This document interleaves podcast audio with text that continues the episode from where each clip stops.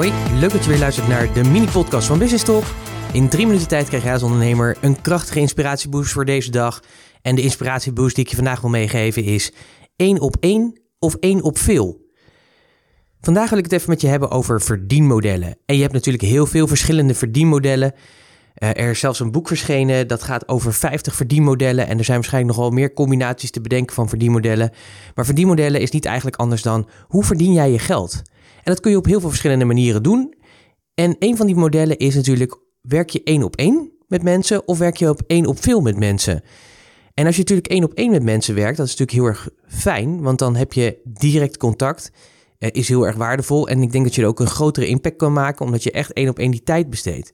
Alleen er zit meteen ook weer een andere kant aan, dat je maar jijzelf, jezelf, die tijd, die beperkte tijd die je helpt, maar één keer kan inzetten. Dus als je voor zo'n model kiest, dan is dat natuurlijk helemaal niet erg. Veel coaches doen dat, mentoren of adviseurs doen dat vaak ook zo op die manier. Het nadeel alleen van één op één is, is dus die tijd. Dus dat je beperkt bent. Dus dat je impact wel groot is, maar ook wel weer beperkt is, omdat die maar in een beperkt aantal is. Dus daardoor wordt die ook exclusiever. Dus in dat verdienmodel is het ook vaak zo dat je dus meer geld vraagt. Zeker als dat je dienstverlener bent en je levert veel waarde, dan is een één op één model waar tijd je kostbaarste bezit is, is er eentje waar je veel geld tegenover zet, omdat het van waarde is, omdat jouw kostbare tijd wordt ingezet en jouw kostbare expertise, die je anders misschien ook wel weer voor honderden mensen had kunnen inzetten.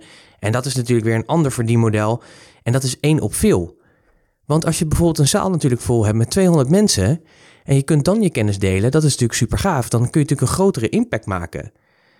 Althans, op de kwantiteit. De vraag is natuurlijk, zeg maar, ter vergelijking op één op één, of je ook daadwerkelijk ook zo'n grote impact één op één kan maken, omdat je natuurlijk echt persoonlijke aandacht hebt ten opzichte van een groep van 200. Zo zie je maar weer dat er, zo zie je dus dat voor elk model zijn er voor- en nadelen in. Kijk, het voordeel van één op veel is ook weer dat je qua prijs setting kun je nog steeds hoge prijzen vragen. Maar omdat je een grote groep bij elkaar brengt en in diezelfde tijd meer kan doen, kan de prijs relatief lager zijn ten, opzichte bijvoorbeeld van het één op één verhaal.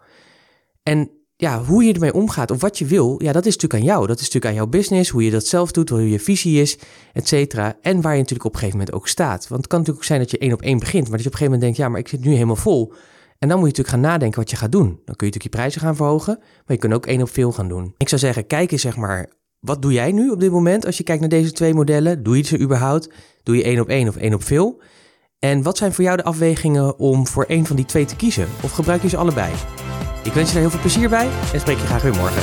Tot morgen.